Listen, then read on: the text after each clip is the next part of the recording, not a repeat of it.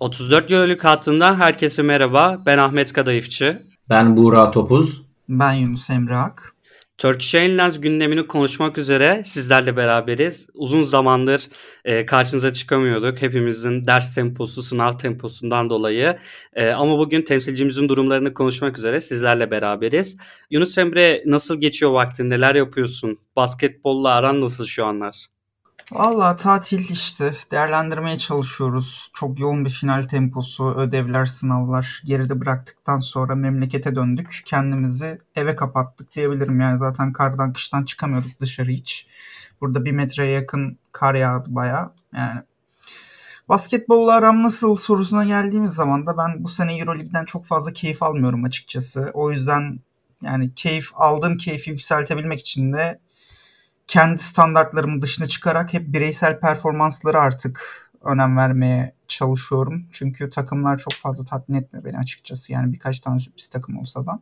Öyle yani birazcık daha yüzeysel ama bu sezon basketbollarım. Ben de hemen hemen aynı şeyi düşünüyorum Yunus Emre ile alakalı. Yani geçen sene Efes şampiyon olduktan sonra bir doygunluk oluştu bende de.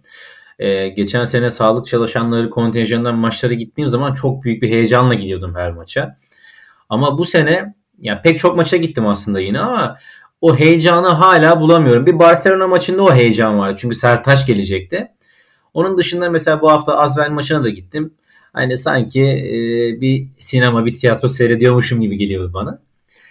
E, ben de yani biraz bireysel performanslara olabildiğince yani belki Yunus Emre kadar takip etmiyorumdur ama e, olabildiğince bireysel performansları takip etmeye çalışıyorum. Bir tane de isim söyleyeyim. Bu sene biraz kafayı Mario Hezonya'ya taktığım gibi bir şey.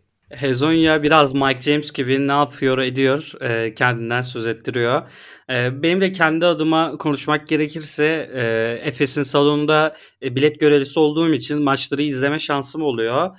E, vakit olduğu zamanlarda yine diğer Euroleague maçlarını elimden geldiğince takip etmeye çalışıyorum.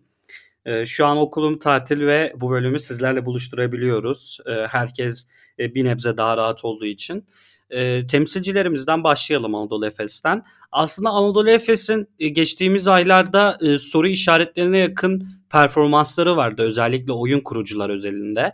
Uzun rotasyonundaki belirsizlikler, istikrarsızlıklar da e, çözüme kavuşturulamadı ve her geçen gün stabilitesini koruyarak devam ediyor. Filip Petrushev de tamamen rotasyonunun dışına e, itilmiş durumda. Brian Dunstan ve Tibor Plyce elinden geldiğince idare etmiyor, etmeye çalışıyor oralara.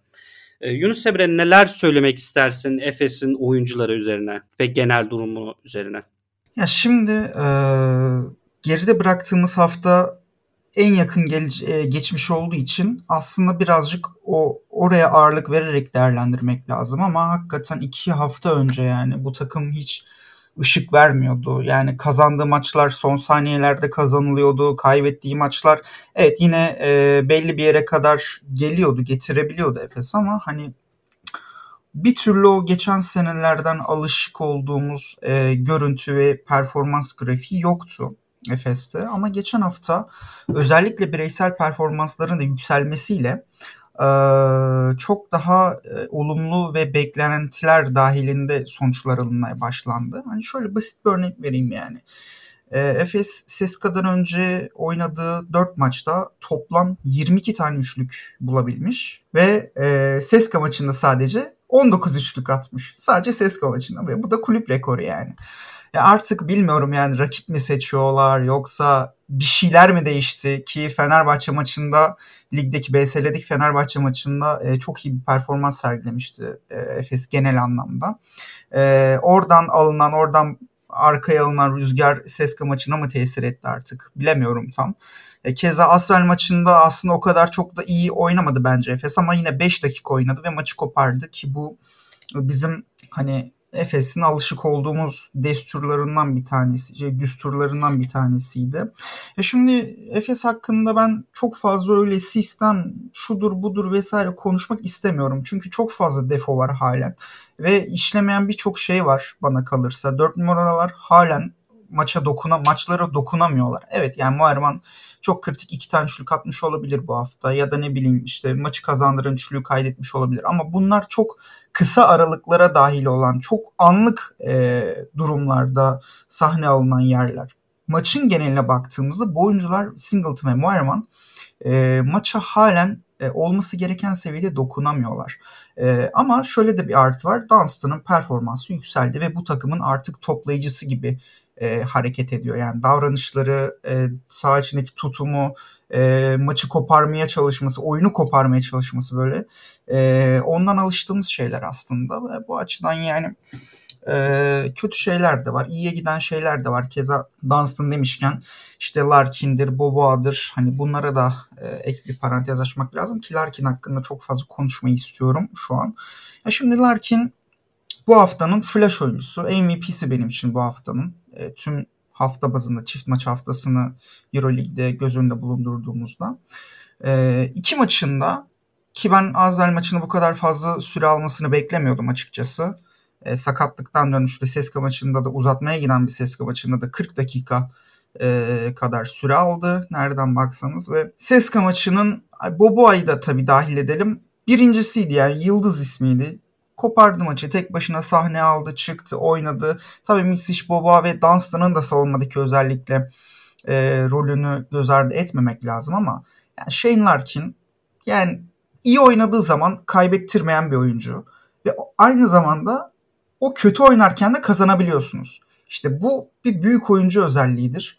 Ve e, Shane Larkin de büyük bir oyuncu olduğunu bir kez daha ispatladı e, bence. Yani illa maç maç konuşmak gerekiyorsa tabii Seska maçında uzunların çok ezilmediğini, çok etkili olduğunu e, ve işte ne bileyim Milutino gibi oyunculara karşı e, beklentilerin üzerinde bir performans ortaya koyduğunu, rebound farkı yemediğini Efes'in Azvel maçının aksine gördük ki e, aslına bakarsanız Seska'nın bu sezonki en önemli silahlarından biri üçlük çizgisinin iç tarafı daha çok. Böyle boyalı alana yakın yerler yani. Oralarda bu sezon daha güçlüler bireysel performans olarak. Militonov'un devreye gir giremeyişi bir türlü ki burada Plyce de çok etkiliydi. Dansın'la beraber e, çok önemliydi. Maçın olumlu yansıyan taraflarından biriydi ki burada aslında şunu da gördük. Yani uzunlar daha doğrusu kısalar topa baskı yapmaya başlayınca uzunlara da bir alan açılıyor her anlamda ve bu sefer bu iki taraf arasındaki dengede çok iyi sağlanmış oldu ve Efes'in o ihtiyaç duyduğu bu sezon genel olarak ihtiyaç duyduğu o dengeye de ulaşılmış olduğunu gördük. Azel maçı hakkında da yani Seska maçının çok hakkını veremedim Boboa'nın ama e, Larkin'i konuşmaktan. Boba Azvel maçını da çok iyi oynadı gerçekten Seska maçında olduğu gibi. Savunmada özellikle bence Azvel'in son dönemdeki en iyi oyuncusu Marcos Knight'tı. E, onu çok iyi savundu Efes. E, tabii Larkin de çok iyi savunma yaptı ama Boboa gerçekten çok başka bir seviyedeydi. Seska maçında Clyburn'u kendisi isteyerek yanına yürüdü gitti ve savundu. Aynısını Marcos Knight'a da yaptı. Yani benzer tarifi. Ee, yani bu tarz bireysel oyuncuların tabii Mitsic'e de burada parantez açmak lazım ama artık onun hakkında siz verirsiniz konuşurken. Ben Larkin ve Boboa demek istiyorum çoğunluk olarak. Yani bu iki oyuncu özelinde Efes'in bir bir şeylere başladığını e, artık inanmak istiyorum en azından. Tabii burada Plyce'ın da e, rolü büyük. Çok olgunlaşmış bir oyuncu Plyce kesinlikle.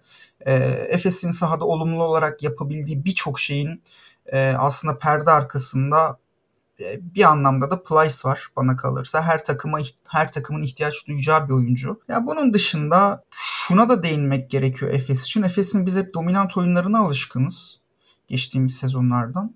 Ama baktığımızda kazanılan 4 maçın son 3 tanesi son saniyelerde kaderi tayin olan maçlar.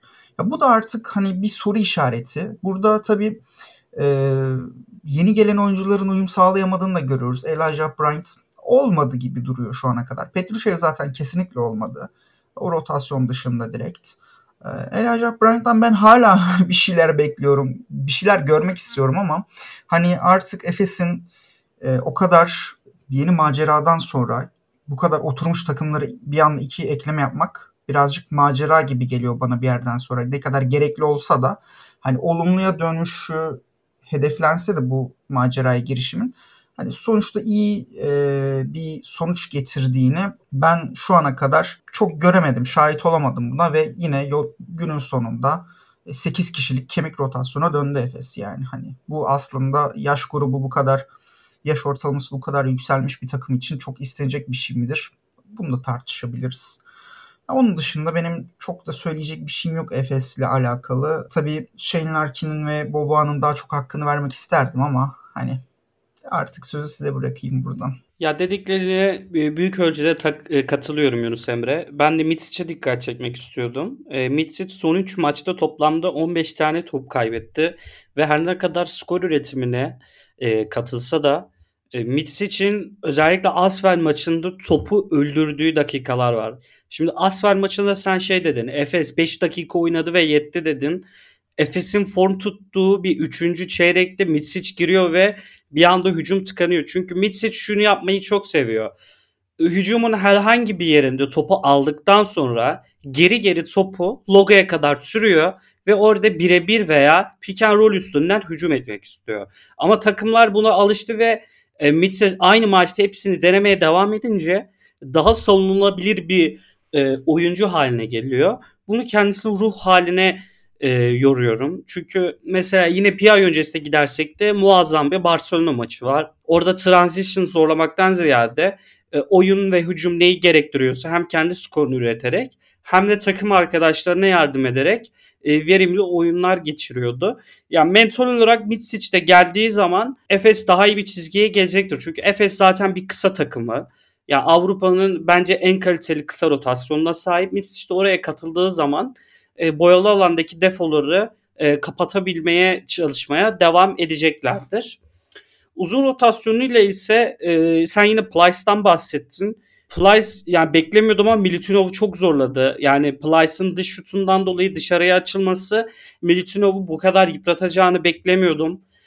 Dunstan girdikten sonra yine Ceska maçında hani daha Ceska'nın istediği yere yani savaşma basketboluna geldiğinde Ceska'nın işine geldi o. Ee, ben de onu söyleyebilirim Efes'le alakalı. Hani bunlar olumlu şeyler ama 4 numaradan hiç katkı alınamaması. Ee, Adrian Muarman'ın Panathinaikos maçındaki katkıları evet olumluydu. Maç kazandıran üçlü atması çok güzeldi ama e, genel olarak bence formsuz bir dönemden geçiyor. Chris Singleton ise iyi veya kötü diyemiyorum. Chris Singleton gibi oynuyor. Yani bazı pozisyon oluyor. Hücumda bir rebound için çok çabaladığını görüyorsunuz. Bir savunma için çok çabaladığını görüyorsunuz. Ama başka bir pozisyon oluyor. Az önceki Chris Singleton'la alakası yok. Yani Chris Singleton çizgisini tamamen kaybetmiş durumda. Şut temposu diye bir şey yok. Yani bu Efes'in bence ana defolarından biri. Yani dediğim gibi kısalarla elinden geldiğince toparlamaya e, çalışacak Efes orayı. Bura sen neler düşünüyorsun? Yani Efes bence şu an son şampiyonluğunun e, ekmeğini yiyor diyeyim. Biraz cepten yiyor. E, alışılagelmiş bir sistem var. Oyuncuların bir mentalitesi var. Antrenörün de keza öyle ama şimdi sene 2009 olması lazım. E, Türk sinema tarihinde önemli bir film vizyona girdi. Av Mevsimi diye. Şener Şen ve Cem Yılmaz'ın oynadığı. Orada Şener Şen cinayet büro bölümünde çalışan bir polis memuru ve çok klasik bir hareketi var. Bakış açınızı değiştirin diye böyle bir hareketi var. Ben de bakış açısını biraz değiştiriyorum. Parkeden bench'e doğru alıyorum. Bench'te de bir sıkıntı var Efes'te. Hani katkı verebilecek oyuncu yok. Herkes ruhsuz. Türk oyuncular maçı en güzel yerden seyrediyorlar. Hani bir tane bile Türk oyuncu katkısı yok. Geçen sene bir Sertaç vardı. Ama şimdi Buğrahan yok. Egemen Güven şimdi yeni transfer olduğu için kadroya giriyor ama o da çok bir katkı verebilecek potansiyelde değil. Ve her şeyden önemlisi oyuncularla e, Ergin Ataman arasında bir problem bence var. Ya bu neyden kaynaklanıyor? Ana sebep ne? Ne zaman başladı? Ne zaman biter? Onu hiç bilmiyorum. Ama e, bir gerginlik olduğu aşikar. Neden aşikar? E, geçen hafta pazar günü e, Basketbol Süper Ligi'nde Anadolu Efes iç sahada Fenerbahçe Beko'yu ağırladı. Ve saatler 3 ya da 4'ü gösteriyordu herhalde öğleden sonra. Anadolu Efes resmi Twitter hesabından bir paylaşım yapıldı. Ergin Ataman'ın Covid testinin negatif çıktı ama üst solunum yollarında bir enfeksiyon olduğu için e, maça çıkamayacağını söylediler. Ben dedim ki tamam hani e, normalde Ergin Ataman özellikle iç sahadaki Fenerbahçe maçlarına ayrı bir konsantre olur. Ve oyuncuların da o e, iyi bir şekilde hazırlar. Dedim herhalde Efes bu akşam yine mağlup olacak ama kenarda öyle güzel yönetim vardı ki Fikret Yakup Sekizkök tarafından. Çok sakin, hakemlere itiraz ederken bile dozunu çok iyi ayarlıyor.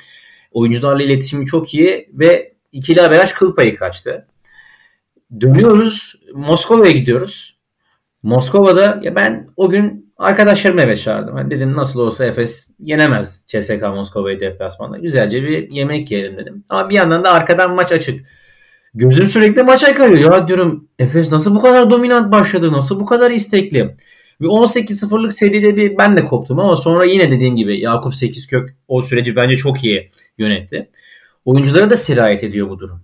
Hani kenarda e, gerçekten sağlıklı kalabilen mental açıda bir antrenör varsa bu da oyunculara ister istemez etki ediyor. Ama Asvel maçına bakıyoruz. Ben de tribünde yer aldım Asvel maçında.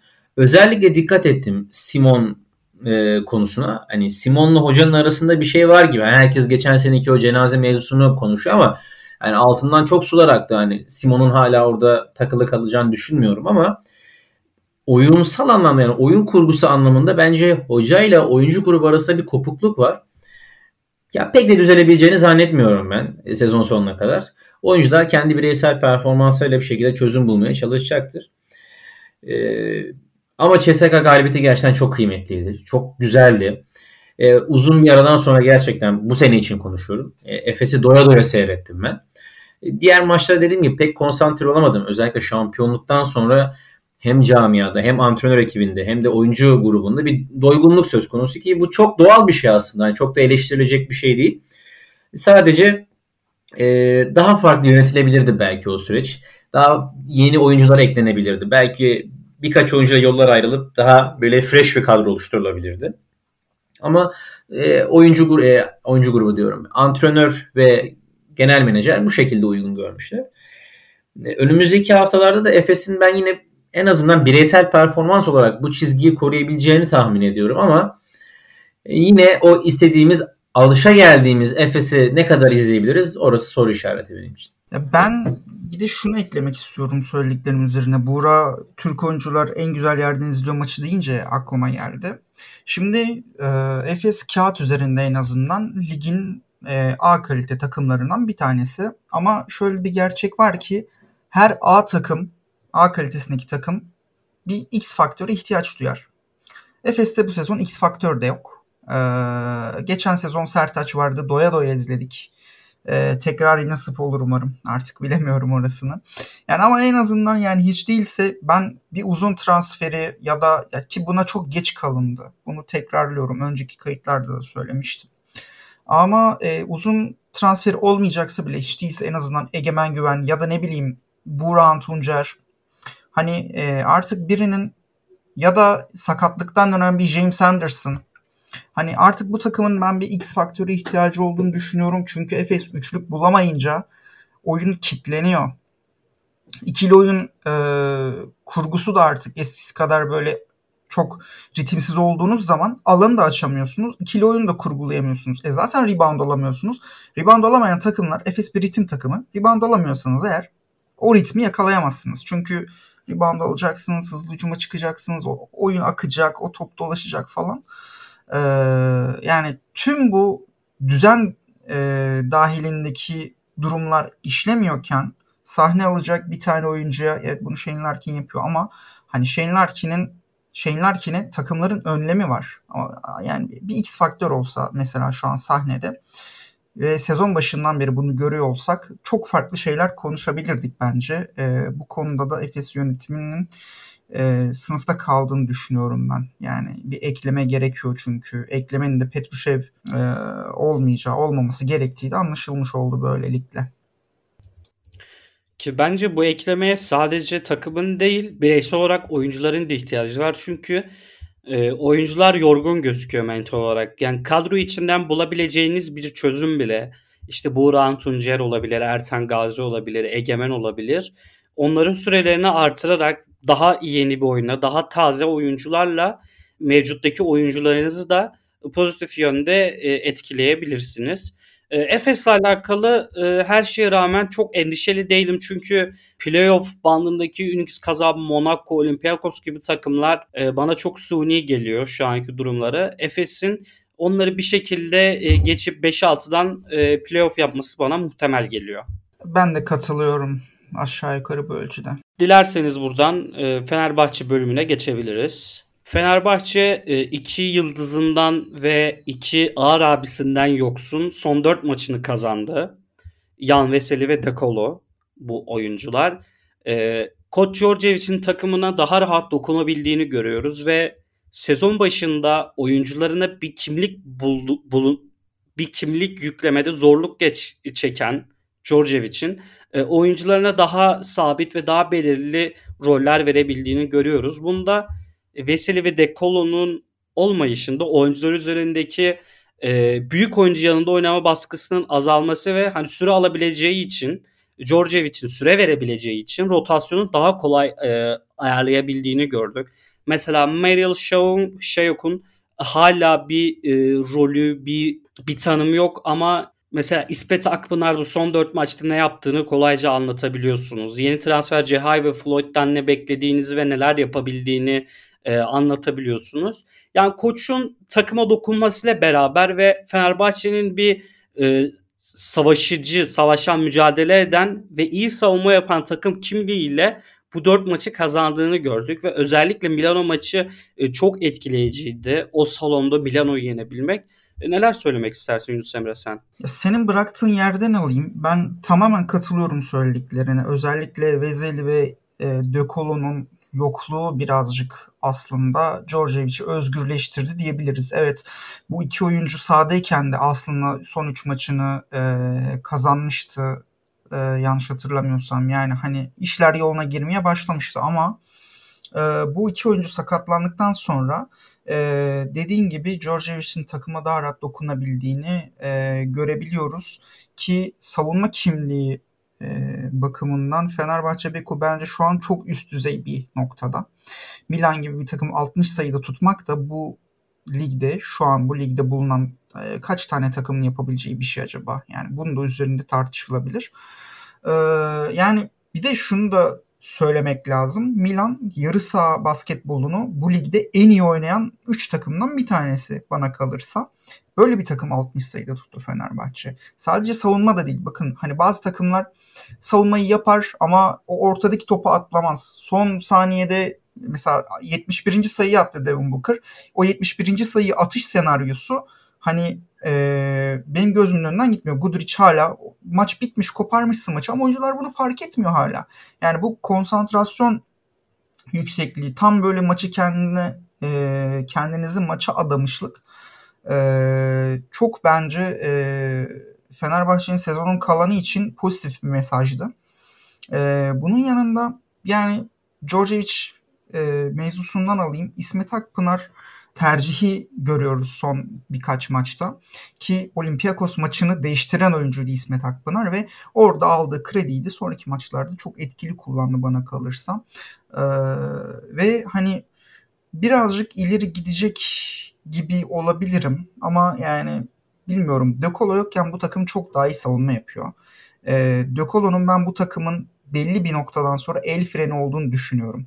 Şöyle ki e, takımınızda De Colo varsa illa bir yerden sonra bir dakikadan sonra hücumun bir noktasında topu ona vermek zorundasınız. Ona vermiyorsanız e, vermesiniz bile yani en azından bir 5-6 saniyesi 24 saniyenin ve 5-6 saniyesinde 8 saniyesinde bu oyuncunun bu topa hakim olması gerekiyor. Çünkü bu yıldız bir oyuncu ve hani yazılı olmayan bir kural gibidir bu takımlarda.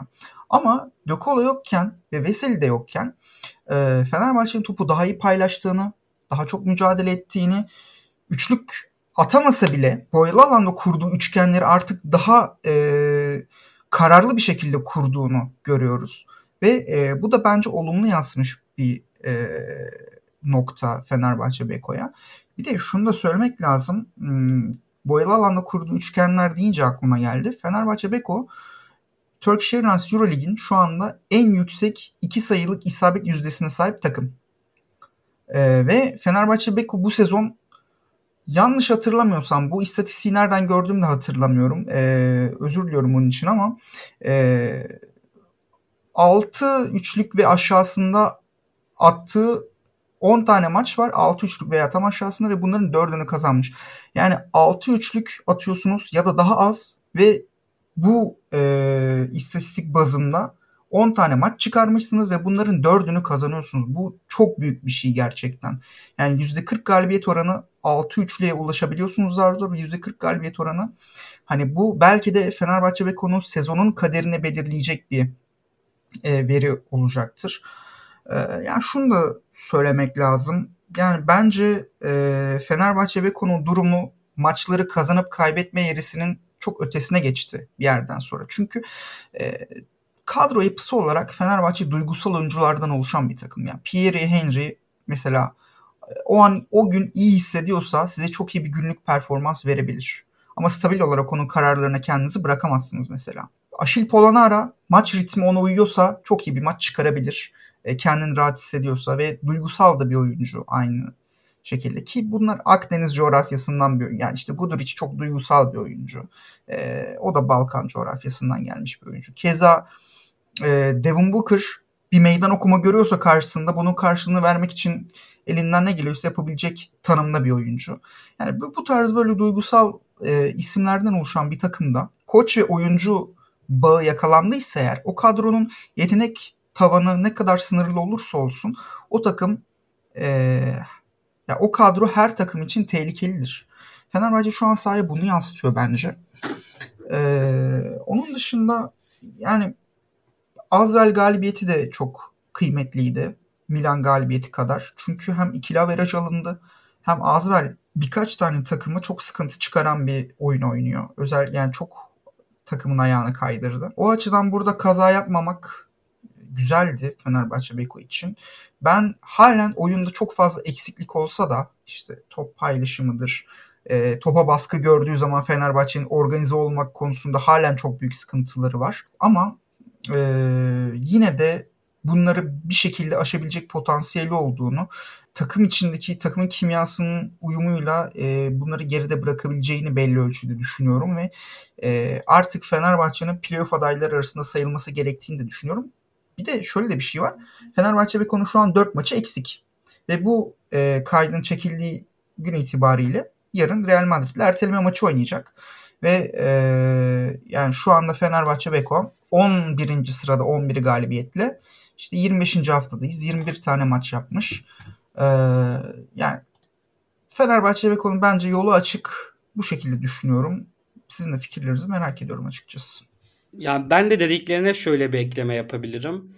Ee, evet çok güzel mücadele ediyor Fenerbahçe ama hücumda hala belirli set oyunlarını oynayamamak ve e, hücum ederken yani plansız hücum etmesi Fenerbahçe'nin beni ilerisi için biraz endişelendiriyor. Yani mesela bu kazanılan maçlara baktığınız zaman Fenerbahçe e, aslında hücumda yine mücadele ederek yani orada da mücadele ederek atıyor. Yani aslında bir oyun aklı koyarak, e, koç aklı koyarak hücum ettiğini düşünmüyorum. Mesela e, Şeyh Musun, Guduric'in, Pierre Henry'nin penetreleri, işte Devon Booker'ın e, sırtı dönük oyunları, orta mesafesi, üçlüyü ve Pierre'in sırtı dönük oyunlar üzerine hem kendi skorunu yürütmesi hem de e, Booker ve Floyd'u beslemesini gördük.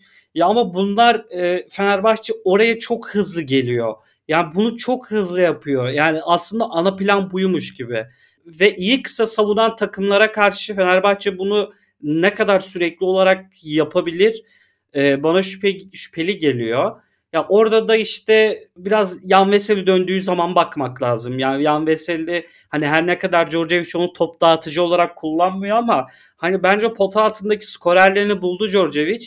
Veseli'ni de skor üreten değil de ürettiren pozisyonda kullanırsa belki bu problem de çözülebilir diye düşünüyorum. E, eklemek istediğim bir şey var mı Buğra? Yani şöyle söyleyeyim belki şu an Fenerbahçeli basketbol severlerden kötü bir yorum alabilirim ama ben pek açıkçası keyif almıyorum Fenerbahçe maçlarını izlerken. Çünkü ya benim aslında alışık olduğum basketbol tarzı biraz da gücünü ofansif güçten alan takımlar. Yani savunmadan ziyade hücumda çeşitlilik yaratabilen takımlar. Fenerbahçe'nin hücum çeşitliliği yok mu? Elbette var. Mesela Dekola varken onun her türlü isolation'ı apayrı bir çeşitlilik. Gudur için isolation'ları apayrı bir çeşitlilik. E, mesela Dechampierre'in post-up'ları ve kısadan kısada yani kısadan kısaya pikle rakip savunmadaki en cılız oyun kurucuyla eşleşip bir anda Yeniçeri askeri gibi potaya çember etmesi, e, şey penetre etmesi bir çeşitlilik. Ama Dekolo, Veseli ve Guduric dışında gerçekten kalite koyabilecek, bireysel inisiyatif koyabilecek oyuncu sayısı çok az olduğu için e, çok da keyif veren bir basketbol oynayamıyor Fenerbahçe. Oynamıyor demiyorum, oynayamıyor. E burada gücünü nereden alması gerekiyor Fenerbahçe'nin? Çok sert, adeta old school bir savunma anlayışından alması gerekiyor. Şimdi Milano maçında bence gelişi buradan. Şimdi bakıyoruz e, Floyd denen arkadaş normalde ana planı hücumdan yani hücumdan güç alan bir takımda olsa bulabileceğim maksimum sayı 6 ya da 8'dir. Ama o kadar çok Guduric'e bir önlem var ki veya diğer kısalara J.V. Floyd artık Cihabe mi J.V. mi nasıl bir e, telaffuzu varsa ben J.V. diyorum. Dilim bu şekilde dönüyor.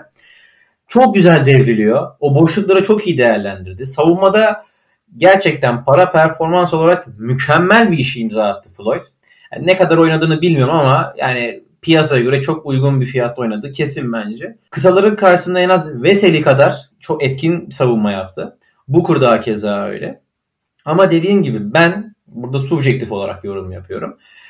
Yani şöyle söyleyeyim ben hem Anadolu Efes'in şampiyonluğundan kaynaklı hem de sadece Anadolu Efes değil pek çok Euroleague takımı artık bu noktaya evrildiği için söylüyorum. Gücünü hücumdan alan takımlar olduğu için hücumda çeşitliliği olmayan veya temposu yüksek olmayan takımlar bana keyif vermiyor. Yani bir gün bana deseler ki ya Bura iki tane maç var. Birisi Fenerbahçe'nin maçı, birisi Unix kazanın maçı. E tabii ki bu programı çekmek için Fenerbahçe'nin maçına bakmam gerekiyor ama bir yandan da ben Unix kazanın maçını seyretmek isterim. Lorenzo Brown var, Mario Hezonya var, Isaiah Kenan var, OJ Mayo var, e, Aroğlu var. Maccabi de öyle, Monaco da öyle. Ama Fenerbahçe dediğim gibi bana çok keyif vermiyor. Sadece çok iyi mücadele ediyorlar. Gerçekten bunu takdir etmek gerekiyor. Çok iyi mücadele ediyorlar. Son bir parantezde bir oyuncuyu açmak istiyorum. Şemus Hazer'e. Ee, geçen sene ben Beşiktaş basketbolunun konuşulduğu bir podcast'te yer alıyordum. Ve burada en çok eleştirdiğim nokta da Şemus Hazer'in hem fiziksel yetersizliği yani size olarak hem de şutunun biraz daha net olmayışı. Tabii bir iki maç yine böyle bir airball atmadı değil Milano ya da Asvel maçında ama sonuçta artık daha özgüvenli bir şekilde deniyor. Ee, savunmada çok daha agresif, size'ı biraz daha iyi. Ee, buradan kendisini tebrik ediyorum. Yani beklemediğim bir gelişim sergiliyor şu an Euroleague'de. Evet takdire şayan katılıyorum. Ya ben de Buğra aslında sana büyük ölçüde katılıyorum. Bu dediğin şey sebep olan e, etken de biraz koça yazıyor. Çünkü e, aslında oyuncularının potansiyelini ben tam olarak ortaya çıkaramadığını düşünüyorum. Yani o hücum aklıyla. O yüzden de dediğim basketbolu oynatarak bir şeyler almaya çalışıyor. Yani J.I. ve Floyd geleli kaç gün olmuş? Ya adamdan aldığın savunma katkısı ve aleyüp katkısına bak. Yani bu biraz da sistemin bu olmasından kaynaklanıyor ama bu da senin ne kadar büyük bir, ne kadar iyi bir takım yapar. Yani bu sorular. Yani mesela Real Madrid maçı çok önemli bir e, etken olacak. Yani acaba orada nasıl bir Fenerbahçe izleyeceğiz? Yani bakalım savunma basketbolu ne kadar. Şimdi Real Madrid'in de bu arada ciddi eksikleri var. İşte Gabriel Deck, Adam Hanga, Thomas Hurtel, Jeffrey Taylor. Ee, mesela bu bir fırsat Fenerbahçe için. Yani e, yarınki maçı ben merakla bekliyorum açıkçası. Ben burada bir noktaya katılmıyorum. Şimdi ben Sasha Djordjevic'i oldum olası sevmem. Çok sevdiğim bir basketbol insanı değil. Ama burada bir noktaya değinmek gerekiyor. Şimdi Igor Kokoşkov çok zamansız bir şekilde ayrıldı yazın takımdan ve takımı kurarak ayrıldı. Hani kendi beğendiği veya benimsediği sisteme uygun oyuncular seçti. Ama bir anda pat ben NBA'ye gidiyorum dedi. O yağdı yağmur çaktı şimşek bir anda takımı yüzüstü bıraktı. Burada Djordjevic e, kurmadığı bir takımdan ötürü aslında çok şanslı. Neden şanslı? Yarın öbür gün kötü bir sonuç olduğu zaman veya işler kötüye gittiği zaman bu takımı ben kurmadım kartını oynayabilir ve haklı da. Ama iyi bir şey olduğu zaman onun coachingine yazar. Kötü olduğu zaman da tabii ki coachinginin kötü olduğu bazı aşikar durumları eleştirmek gerekiyor ama genel çizgiye bakarak bir eleştiri yapacaksak bence Georgievic'in çok ağır eleştirilmemesi gerekiyor. Detaylarda eleştirilmesi gerekiyor bence Georgievic'in. Ya ben de onu demek istedim aslında. Yani bu oynattığı basketbolun hani sebebine inmeye çalışıyor. Yani Djordjevic'in kimliğinden dolayı hani izlediğimiz basketbolun e, izlemek istediğimiz basketboldan farkı hani Djordjevic'in sisteminin e, tam olarak oyuncuların uymadığı ve Djordjevic'in buna evrilmek zorunda e, kaldığının zorunda kaldığını söyleyebilirim. Kapatmadan birkaç konuya daha e, değinebiliriz. Burada Guduric e, kavgası Milano maçının bitiminde ve e, EuroLeague'in yeni web sitesi üzerine e, bir şeyler söylemek isteriz diye düşünüyorum. E, Guduric Heinz arasında neler oldu Yunus Emre? Sen ne söylersin? Ya şimdi tam olarak hiçbir şekilde bilemeyiz e, ne olduğunu o ikili arasında ama e, belki maçın başından e, başlayan bir şey vardır. Belki maçın içinde bir şeyler olmuştur da bu sürtüşme yaşanmıştır ama maç bittiğinde e, Guduric'in hem tribüne hem de e, Milano staffına bir şeyler söylediği anlaşılıyor. E, Heinz de onu duyduktan sonra zaten tepki veriyor e, Guduric'e. Ya şimdi e, şunu söyleyeyim ben Guduric kesinlikle çok iyi bir maç çıkardı. Zaten bu hafta çok iyi oynadı genel olarak ki Fenerbahçe'nin sürükleyicisi özellikle Dekolo ve Veseli yokken. Ama evet böyle şeyler yine olabilir. Bu tarz sürtüşmeler, tartışmalar, kavgalar. Sporda vardır bunlar ama hani bence olmaması gerekiyor kesinlikle. Çünkü e, ya şimdi şöyle de değerlendirebiliriz bunu. Milan çok e, ağır bir farkla, büyük bir farkla, izci bir oyunla Fenerbahçe yenmişti e, sezon ilk yarısında Ülker Arena'dan. E, ve bu kavganın, bu sözlü e, münakaşanın ben hani belli ölçüde bir mesaj vermek için hani yapıldığını da düşünebiliriz. Ee, hani isteyen bu şekilde düşünebilir. Farklı bakış açıları üretmek isteyen insanlar bunu da söyleyebilir. Ee, yani ama kesinlikle olmaması gereken bir şey ki bugün kendisine sorsak kendisi de aynısını söyler bence Gudur için. Ee, ya da yani ne bileyim Kyle Hines de bu takımın bir kaptanı. Hani sonuç olarak kendi takımını, kendi koçunu, kendi taraftarını korumak zorunda. Orasının kendi evleri olduğunu rakip takıma e, bir şekilde bu, bu tarzda tasvip etmiyorum ama bir şekilde e, göstermek zorunda. Ama işin yine şöyle de bir boyutu var. E, yani o koç Messina hani bunları söylediğiniz koç Messina. Messina bu oyuna çok renk katan, e, çok büyük katkıları olan çok önemli bir isim. Çok büyük bir figür. Ve ona her şekilde ne olursa olsun çok büyük bir yanlış yapmadığı sürece her ölçüde her şekilde saygı duymak lazım. Ee, ben böyle düşünüyorum. O yüzden Gudur için yaptığı şeyi yanlış buluyorum. Ama e, hani taraftar nezdinde belki de işte mesaj vermek gerekiyordu, iyi oldu falan diyenler de olabilir. Bir de aynı şeyin Ülker Arena'da Fenerbahçe Beko'ya yapıldığını düşünsünler o zaman. Ben hani başka bir şey söylemek istemiyorum. Ha bir de şunu da söyleyeyim. Ya, acaba Fenerbahçe'nin koçu Obradoviç olsa e, Guduric böyle bir tepkiyi verebilir miydi Milan bench'ine? Yani Guduric'in aslında takımın lideri rolüne bürünmesi bu son ayda Veseli ve Dekolo'nun sakatlığından dolayı. Hani bu sadece saha liderlik değil hem bench'te hem maç sonu bitince bir liderlik, bir reaksiyon verme rolüne bürünmüş. Yani kendi ona vazife olarak görmüş. Ya maç gerginliği olarak bunu söyleyebilirim. Yani çok e, büyüyeceğini de sanmıyorum olayın. Ya ama e, dediğin gibi yani Obradovic gibi işte Messina gibi daha ağır bir koç olsa e, orada koç varken Guduric böyle bir şey yapmazdı.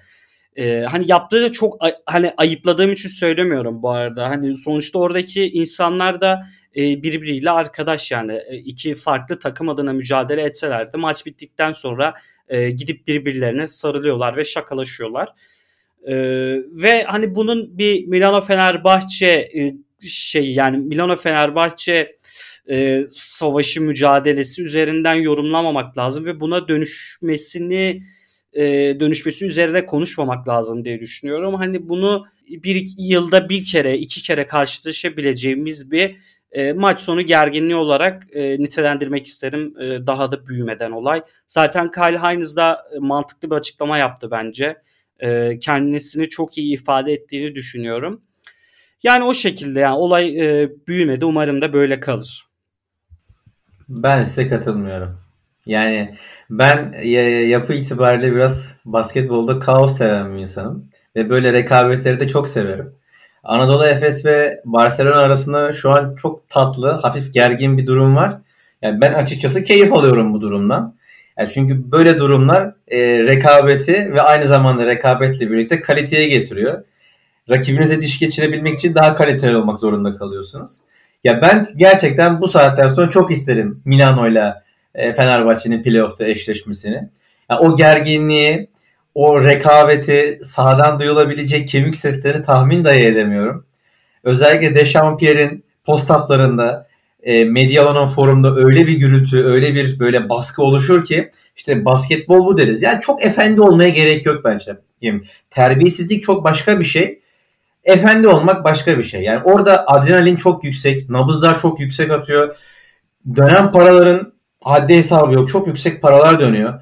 Ya burada kimse hani Sofi değil, Mevlana değil bir şey değil. İlla ki bir gerginlik olacak, illa ki bir kavga olacak. Bunlar e, bu sporun tuzu biberi çünkü temasla oynanan bir spor ve bu arkadaşlar 2 metrenin üstünde, hepsi 100 kilonun üstünde. E, ya bir zahmet biraz böyle gerginlikler çıksın. Ya ben demiyorum ki tekme tokat birbirlerine dalsınlar ama bu tarz sürtüşmeler, hani trash talk'lar e, benim hoşuma gidiyor. Ya, tabii ki terbiyesizlik ve saygı sınırlarını zorlamak apayrı bir şey. Yani o sus işareti biraz fazla geldi ama ben o trash talk'u çok böyle abartılı bulmuyorum. Dediğim gibi umarım Milano ile Fenerbahçe playoff'ta eşleşir. Biz de bu gerginlikten nasibimizi alırız basketbol severler olarak.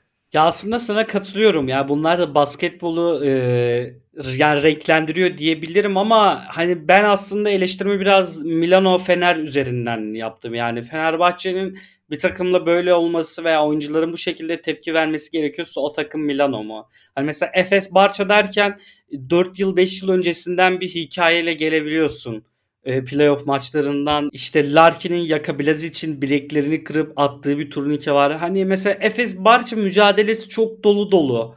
Yani ve gün geçtikçe de dolmaya devam ediyor mesela. Son maçta Ergin Ataman tribünlere kupa işareti yaptı. Hani bu Efes Barça şeyi o kadar dolu ki hani bu biraz hani mantıklı olabiliyorsun. Yani mesela Mitsic e, Palau Blaugrana son saniye üçlü kazıp sus yapsa e, eyvallah abi dersin belki. Ama hani Milano ile Fenerbahçe arasında bir connection kurmakta ben zorlanıyorum yani. Bir de işte Kyle Hines gibi mübarek bir adam var. Messina gibi bir tecrübe var. Ya o şekilde yakıştıramadım ben. O şekilde söyleyeyim. Buradan bağlayalım siteye bence. Bu arada Euroleague'in yeni web sitesini de bir konuşalım. Ee, Euroleague aslında yönetim olarak çok başarılı diyemeyeceğimiz bir yönetim ve iyi yaptıkları Asya ile şey içinde güzel bir web sitesi vardı. 2006 yılında yapılmış ve bu siteden e, oyuncuların e, rekorlarını, e, tüm zamanlar istatistiklerini ve mevcut maçların skorlarını, box skorlarını çok güzel görüntüleyebildiğiniz ve insana hitap eden, göz yormayan bir siteydi. Ancak Euroleague yönetimi web sitesini yenilemeye karar verdi. Euroleague'in iyi yaptığı e, bir elin parmağını geçmeyen şeylerden birini de bozmaları üzerine e, konuşalım istedim. Ne dersin Yunus Emre? Ya şimdi dediğin gibi hakikaten 2006'daki site daha güzeldi. 2006'da dizayn edilmiş. Tabii o da sonradan dizayn edildi yeniden güncellendi falan ama o zaman da işte 2006'daki site daha iyiydi dendi. İşte neden bu geldi dendi. Sonra var olan sitenin yerine bu geldi niye böyle diyoruz ama yani hakikaten bu tasarım nasıl bir tasarım biliyor musunuz? Bitmemiş bir e, şey var gibi hani tasarımda. Hiçbir şeye ulaşamıyorsunuz. Sürekli yeni bir sekme açmanız gerekiyor. Rekorlara ulaşamıyorsunuz. İstatistikler düzen ki EuroLeague'in önceki tasarımındaki yani önceki sitesinde istatistik verileri en değerli, en kıymetli şeydi. O sitenin varoluş amacı gibiydi hatta orası. Ama şu an onlara ulaşmak için ne yollardan geçiyoruz yani. Ben kesinlikle e, iki, hatta 2002 yılında tasarlanmış site bile daha iyi yani. Hani geç bir tane e, site var bir araç olarak kullanıyorsunuz. Adını hatırlayamıyorum şu anda. Tüm sitelerin internet üzerinde ne kadar site varsa hepsinin eski tasarımlarına oradan ulaşabiliyorsunuz. Ee, oradan bir kontrol ettim ben şey olarak acaba nedir ne değildir hani nasıl bir şey varmış önceden de sonra ne olmuş falan diye. Yani hakikaten 2002'deki hatta 2006'daki 2007'deki çok daha dolu bir e, site tasarımıymış yani. Bu gerçekten ben anlam veremedim neden böyle bir şeye geçildiğini, neden böyle bir tasarımın tercih edildiğini. Hani şey havası var tasarımda Hani işte yaz döneminde biz bunu işte yeniden tasarlamaya başlarız. İşte sonra yeni sezon başladığı zaman da bunu piyasaya süreriz. İşte yayınlarız. Ee, öyle de kullanılır falan diye bir hava var ama E, sanki bu bitmemiş. E, hadi abi artık bitirin diye de arkadan zorlamışlar bu büyük bir kuruluşu. O da alın size böyle bir site diye çıkarmış gibi duruyor yani. Çok gerçekten hiç içime sinmedi. Euroleague'in içine sinmiş demek ki yani onları da e, standartları buysa eğer takdir ve tebrik ediyorum. Başka da bir şey söylemiyorum. Yani bize bunu maruz bıraktıkları için de teşekkür ederiz. Yani Euroleague yönetimi ben şaşırmadı, şaşırtmadı diyorum. Yani inşaatı bitmemiş, boyası tam yapılmamış inşaat hissi veriyor e, web sitesi. Ya umarım e, gerekli güncellemeler yapıldıktan sonra bu siteyi e, tamamen kullanıma açarlar ve eski siteyi e, kullanabiliriz umarım diye düşünüyorum. Değerli yorumlarınız için teşekkür ederim. Bizi dinlediğiniz için e, teşekkür ederim. E, gelecek haftalarda görüşmek üzere. Hoşçakalın. Hoşçakalın. Hoşçakalın.